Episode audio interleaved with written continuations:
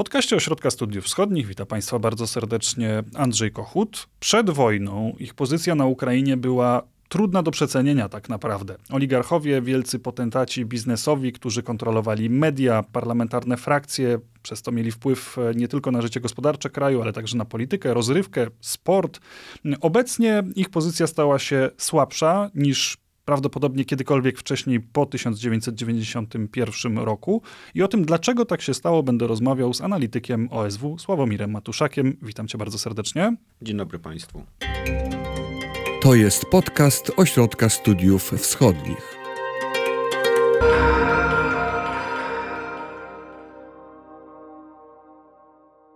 Tym trzęsieniem ziemi, które zachwiało oligarchicznym układem na Ukrainie, była oczywiście wojna a nawet ten jej konkretny epizod, który nastąpił po 24 lutego, po rosyjskiej inwazji. Tak, niewątpliwie jakby to, to, to była główna, główna przyczyna e, tego, że obecnie możemy mówić wręcz o, o, o kryzysie wpływów e, oligarchicznych e, na Ukrainie. Natomiast ja bym jednak poszukał trochę głębiej, że tak naprawdę te relatywnie zmniejszenie w wpływu e, wielkiego biznesu, tego co my nazywamy oligarchami, zaczęło się wcześniej. Tak naprawdę pierwszym takim uderzeniem to był rewolucja na Majdanie 2013-2014 i pierwsza faza rosyjskiej agresji, która e, po niej nastąpiła. Ale bezpośrednio po niej prezydentem został Petro Poroszenko. Petro Poroszenko, który jakby ma taką e, dwojaką postać. Z jednej strony jest oligarchą, z drugiej strony jest politykiem z, z ogromnym stażem, więc jakby powiedzmy go jedno... Znaczy generalnie go traktujemy tak naprawdę i jako oligarchę, i jako polityka. Natomiast jakby trudno go określić wyłącznie oligarchą, e, tak, takim jakby takim e, typowym określeniem. Natomiast takim drugim takim tąpnięciem e, wpływu to była tak zwany Majdan przy urnie, czyli e, bezprecedensowe zwycięstwo Zeleńskiego. Wróćmy jeszcze na moment do tego pierwszego tąpnięcia, o którym mówisz. Na czym polegało zmniejszenie znaczenia oligarchów po 2014 roku? Po pierwsze, e, stracili część aktywów, gdyż e, całe, znaczy i Donieck, i jakby całe obszary e, e obwodu donieckiego ługańskiego, często z miastami, które były bardzo uprzemysłowione i w których znajdowały się zakłady czy Achmetowa, czy Taruty, czy, czy innych, no one jakby mm, wpadły pod kontrolę separatystów a po kilkunastu miesiącach zostały znacjonalizowane w w cudzysłowie, w cudzysłowie znacjonalizowane, czyli, czyli przejęte. Po drugie, e, wybory te, które odbyły się w 2014, e, skład parlamentu, on jednak był zdecydowanie mniej pod kontrolą wielkich grup biznesowych w porównaniu do tego, co było za czasów Partii Regionów, czy nawet po pomarańczowej e, rewolucji. Czyli to był jakby ten pierwszy, pierwszy etap. No i dru drugim e, też ważnym czynnikiem jest, że rosyjska agresja w tej pierwszej fazie doprowadziła do głębokiego załamania gospodarczego na Ukrainie, co oczywiście odbiło się na, na, na płynności finansowej e, wielkiego biznesu, czyli jakby w, też jakby jakiego wpływu, jakie mogli wywierać na, na Ukrainę, na politykę. Natomiast e, to, co zostało bez zmian i to, co jest jakby do wybuchu wielkiej wojny było tak naprawdę najważniejsze, to niemal pełna kontrola nad kanałami telewizyjnymi.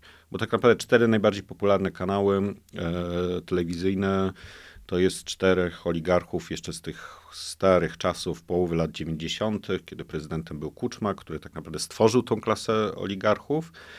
I to jest, to był Achmetow, Kołomoński, Pinczuk e, i Firtasz. Do tego można dodać e, kanały informacyjne Poroszenki, jakieś tam różne drobniejsze, natomiast no de facto jakby przedstawiciele wielkiego biznesu mieli praktyczny monopol informacyjny w telewizji, gdyż e, telewizja państwowa na Ukrainie no, ona istnieje, ale jakby jest praktycznie bez większego znaczenia, bez większych wpływów. Natomiast no, o, czasy się zmieniają, jest rewolucja, o, nie wiem jak to powiedzieć, informatyczna i coraz większe znaczenie już wtedy o, zaczęły odgrywać sieci społecznościowe, natomiast oczywiście oligarchowie nie mają wpływu, kontroli Oczywiście można kupować liderów opinii publicznej, natomiast no to, to jednak e, tak czy owak e, powiedzmy... No, to... Skuteczność tego jest dużo mniejsza niż w przypadku Oczywiście. wielkich czterech telewizji, które dominowały w, nad ukraińską opinią publiczną przez wiele lat. Oczywiście, no i jakby ciężej to kontrolować. e, Ten, ten rynek jest e, zbyt zdywersyfikowany, zbyt duży.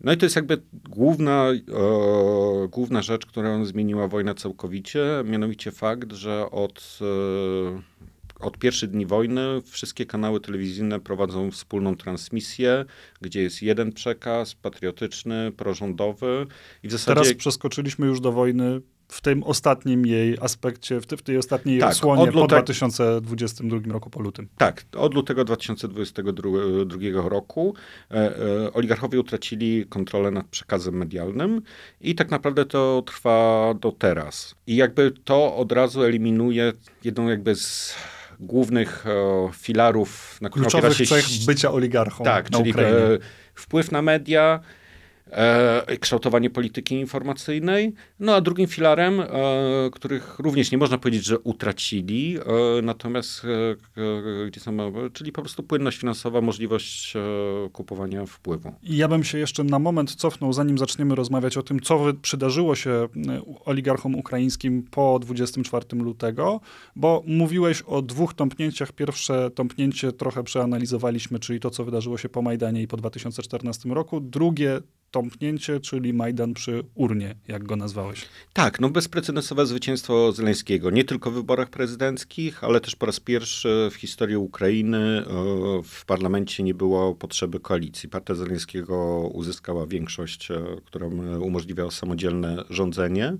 Choć wtedy mówiono, że Zełęński jest kreacją polityczną właśnie jednego z oligarchów, którego wspomniałeś, czyli Ichora Kołomońskiego. Znaczy, takie były podejrzenia, bo jakby, jakby dowodów e, oczywiście nikt nie miał, natomiast no, przesłanki, za, które za tym wskazywały, to były takie, że no, Zeleński de facto nie miał żadnego doświadczenia politycznego e, i tak naprawdę zrobił, no jakby szczyt jego kariery o, przypadał na okres, kiedy o, właśnie ten kwartał 95 e, był pokazywany na kanałach Ko- Kołomoyskiego. Natomiast e, no ja bym nie przesadzał, bo tak naprawdę Zeleński był producentem filmowym, który mógł pójść na, do jakiegokolwiek, przenieść się do jakiegokolwiek kanału, czyli jakby ta, ta zależność, to jeszcze można było się spierać, kto od kogo był zależny, bo, bo popularność kanału e, Kołomoyskiego w dużej mierze opierała się na tym, że tam występował Zeleński, tak więc jakby ta zależność była taka... I pewnie do tego, jak e, Kołomoński wyszedł na rządach Załęskiego jeszcze dojdziemy, ale właśnie, Załęski wygrywa wybory. On miał wtedy dosyć mocną agendę antyoligarchiczną, można Wtedy powiedzieć. właściwie jeszcze nie. To pierwsze, pierwsze miesiące to, to w zasadzie on e, i w kampanii wyborczej, i zaraz po wyborach, to jakby kwestia oligarchów była na, na drugim planie. Natomiast e, e, on jednak starał się zdystansować od, e, od Kołomońskiego. Tak samo jego pierwszy szef administracji prezydenta, który został zmieniony na biuro prezydenta, który też był wiązany z Kołomońskim, ale też potem w, w efekcie okazało się, że to nie do końca jest takie oczywiste i, i, i prawdziwe. E, Natomiast no to, co e, w przeciwieństwie do wszystkich poprzedników Zeleńskiego, e, to co było jego przewagą, to fakt, że on kontrolował parlament, on nie musiał się dogadywać z różnymi frakcjami, aczkolwiek w następnych miesiącach trochę już musiał, w tymi kontrolowanymi przez takich tam pomniejszych oligarchów. Natomiast no, w porównaniu do, do, do Poroszenki czy, czy, czy nawet Janukowycza, on miał dużą większą swobodę, swobodę działania. Czyli metodami demokratycznymi wpływ oligarchów na politykę został po prostu bardzo znacząco ograniczony. w porównaniu do tego, co się działo o, przed Zeleńskim, e, zdecydowanie, zdecydowanie tak. E, Potem w następnych e, miesiącach, jeszcze przed e, wybuchem tej, tej wielkiej wojny, kiedy poparcie Zeleńskiego zaczęło powoli topnieć, kiedy ta frakcja zaczęła mu się powoli rozchodzić, że formalnie ona ciągle miała większość, natomiast właśnie, żeby przegłosować coś w parlamencie, trzeba było się zacząć dogadywać z innymi frakcjami. On dokonał takiego częściowo retorycznego, ale nie tylko e, zwrotu i właśnie jakby jednym, jednym z jego głównych e, haseł stała się walka z oligarchami. Wtedy powstał właśnie pomysł tej ustawy antyoligarchicznej, która wprowadzała w ogóle coś takiego jak rejestr oligarchów. Od razu jakby wyprzedzając, do tej pory ten rejestr nie powstał, natomiast no to wynikało e, z faktu, że, że wybuchła wojna.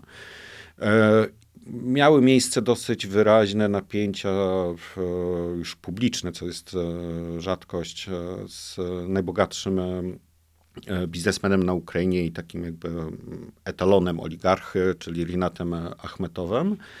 Natomiast e, no, wojna tak by to wszystko zahamowała i w tym momencie walka z oligarchami, no, myślę, że jest dosyć daleko na, na agendzie ukraińskich władz. Ale czy ten zwrot antyoligarchiczny e, Załęskiego jeszcze z czasów przedwojennych jakieś konkretne skutki przyniósł. Rozumiem, że ten osławiony rejestr oligarchów nie powstał, choć chyba niektórzy się go dosyć mocno zaczęli obawiać ze względów takich PR-owych, ale czy coś z tego wyniknęło wtedy? Znaczy przyjęto ustawę, która określa e, dosyć, powiedzmy, mgliście, e, jakie kryteria e, musi spełnić osoba, żeby została wpisana do tego rejestru. I to w zasadzie tyle, jakby w tych pierwszych przedwojennych, przed tym przedwojennym okresie. Miały miejsce różne e, śledztwa wymierzone w przedstawicieli wielkiego biznesu za powiedzmy stare grzechy, ale to również to jakby trudno powiedzieć, że to była systemowa polityka, bo, bo były momenty, że, że te śledztwa posuwały się do przodu, potem jakby gdzieś to się wszystko rozpływało. Jednym z problemów właśnie o walki z oligarchami jest Petro Poroszenko, gdyż on jest jakby głównym przedstawicielem opozycji, więc jakby z jednej strony walcząc z oligarchią, walczy się z największą, znaczy główną opozycyjną frakcją, co też jakby na zachodzie się do końca nie podoba. Więc jakby te, te działania, jakby ja bym nie powiedział, że one były systemowe i jakby jakieś o, przynoszące efekty. Natomiast e, właśnie po wybuchu wojny na pełną skalę, no te, te działania jakby nie są w tej chwili jakieś tam priorytetowe, no bo odpadła ta główna konieczność, czyli jakby to, że, że oligarchowie stanowili wielką, poważną siłę, z którą należy się liczyć. I tak dochodzimy do momentu, kiedy 24 lutego Rosja rozpoczyna inwazję na e, Ukrainę e, i to powoduje dalszą erozję wpływów oligarchów, e, bo uderza już bezpośrednio w to, co było no, kluczowe dla ich potęgi, czyli ich potęgę biznesową. Ograniczają się możliwości robienia interesów na Ukrainie, cierpią ich zakłady przemysłowe, cierpi produkcja rolna, cierpi to, z czego czerpali do tej pory pieniądze, które pozwalały im realizować wpływy, czy to w mediach, czy to w polityce. Tak, no wręcz cierpią czasami nawet bezpośrednio, gdyż jeden z takich agrobaronów zginął w, w ostrzale rakietowym. Natomiast tak, e, część, e, szczególnie tych położonych e, na, na wschodzie zakładów przemysłowych została po prostu zniszczona. Znaczna część została w jakimś tam stopniu uszkodzona, natomiast większym problemem jest fakt, że pozostaje zablokowana droga morska, a to była główna droga dla eksportu produkcji, głównie metalurgicznej. I tak, od sierpnia ubiegłego roku działa o tak zwany korytarz zbożowy, no ale tak jak sama nazwa wskazuje, on jest przeznaczony wyłącznie dla produkcji rolnej, natomiast inne bardzo ważne e, pozycje eksportu Ukrainy przedwojenne, czyli, czyli różnego rodzaju e, produkcja hutnicza oraz e, rudy żelaza, tamtędy nie mogą, tą drogą nie mogą być eksportowane, a droga do portów, czy w Rumunii, czy w Polsce, czy gdzie indziej na zachodzie koleją, no to ona jest powiedzmy bardzo trudna logistycznie i no i średnio opłacalna, bo, bo te koszty po prostu przewyższają jakby to, więc jakby to doprowadziło do, do tego, że że produkcja tych zakładów e, drastycznie została ograniczona. To jest często spadki o 70 na 80, 80%. No i właśnie szczególnie to widać w przypadku metalurgii, sektor, który przed wojną przynosił miliardowe, i to dolarowe miliardowe e, zyski, nagle zaczął przynosić miliardowe straty.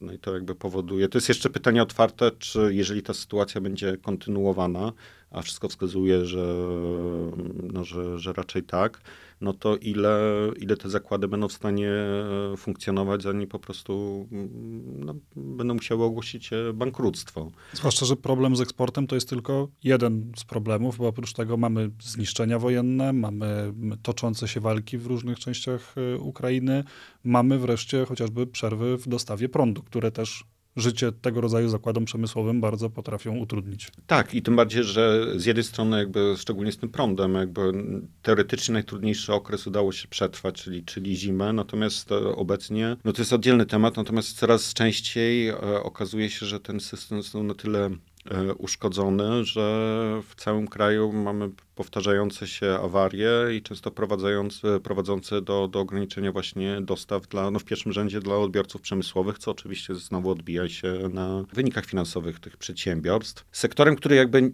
mniej ucierpiał w wyniku wojny jest e, sektor rolny, aczkolwiek tam też są wielomiliardowe straty. No, część terytoriów została e, zajęta, część z tych, które zostały wyzwolone i tak pozostaje zaminowana, co utrudnia czy wręcz uniemożliwia prowadzenie e, prac e, polowych. Do tego jeszcze dochodzi skutki katastrof z tamą w Nowej Kachowce, która powoduje ogromne problemy z irygacją dla, na, na, na południu e, Ukrainy. No i też jest problem taki, że ten korytarz zbożowy, który już prawie rok funkcjonuje, całkiem możliwe, że, że w najbliższych tygodniach funkcjonować przestanie co będzie kolejnym problemem właśnie dla eksportu ukraińskiej produkcji rolnej. No i o ile rolnictwo nie jest tak zoligarchizowane jak wiele innych sektorów e, przemysłowych. Tam jednak jest e, sporą, tak naprawdę większość stanowią jakby tam powiedzmy przedsiębiorstwa średniego rozmiaru. Natomiast no, no, no te wszystkie rzeczy no niewątpliwie odbiją się i będą się odbijać w kolejnych latach na, także na wynikach tych e, agrobaronów. Tak więc nawet jeśli uznać, że, że w pierwszych miesiącach wojny oni ucierpieli jakby stosunkowo mniej, no to jakby w tej chwili wychodzi, że prędzej czy później później oni również będą e, ponosić e, ogromne straty. To pokazuje, w jaki sposób osłabiona została pozycja biznesowa oligarchów. Mówiłeś wcześniej o tym, w jaki sposób została osłabiona ich pozycja medialna. Krótko mówiąc, ona de facto zniknęła w momencie, kiedy pojawił się przekaz wojenny w ukraińskich telewizjach.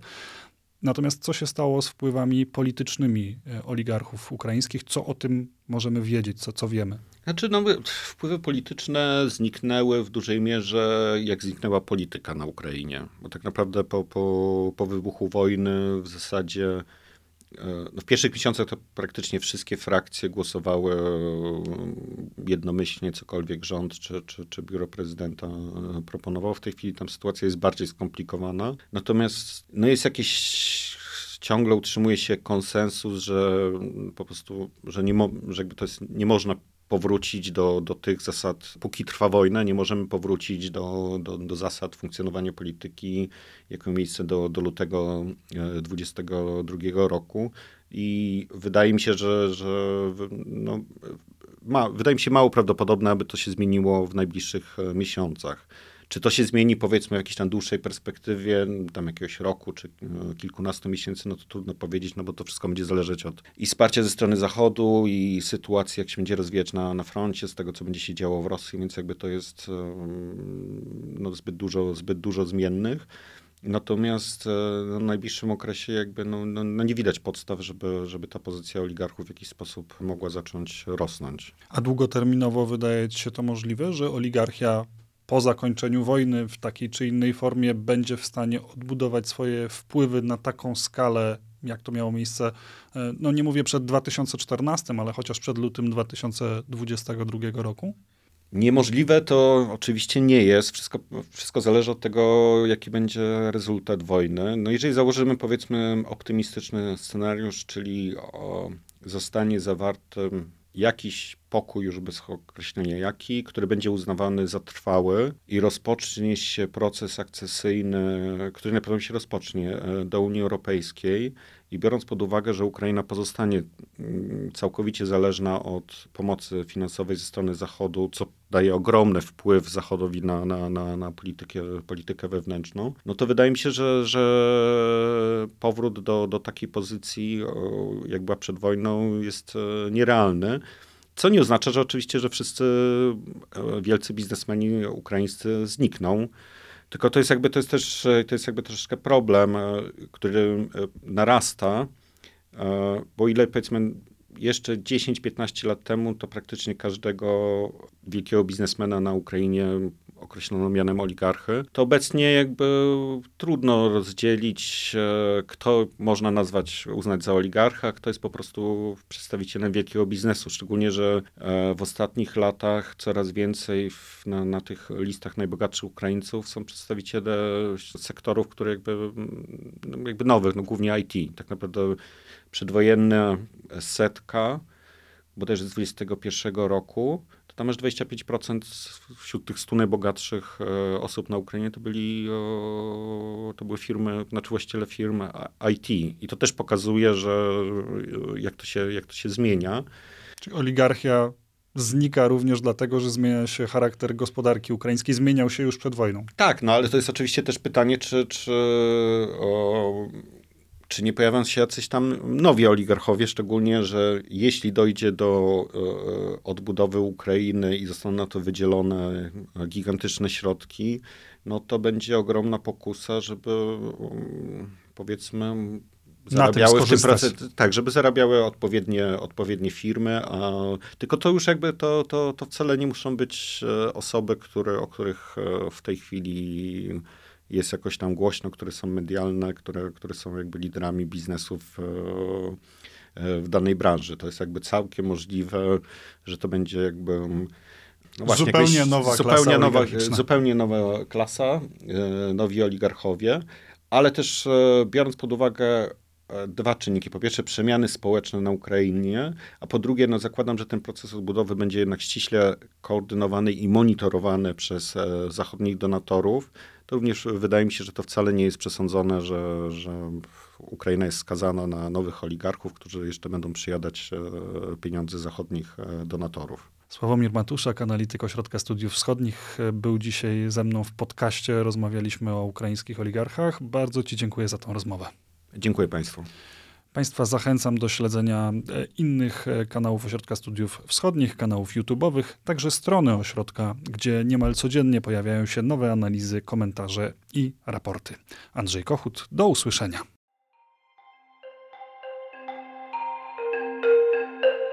Wysłuchali Państwo podcastu Ośrodka Studiów Wschodnich. Więcej nagrań można znaleźć na stronie www.osw.waw.pl.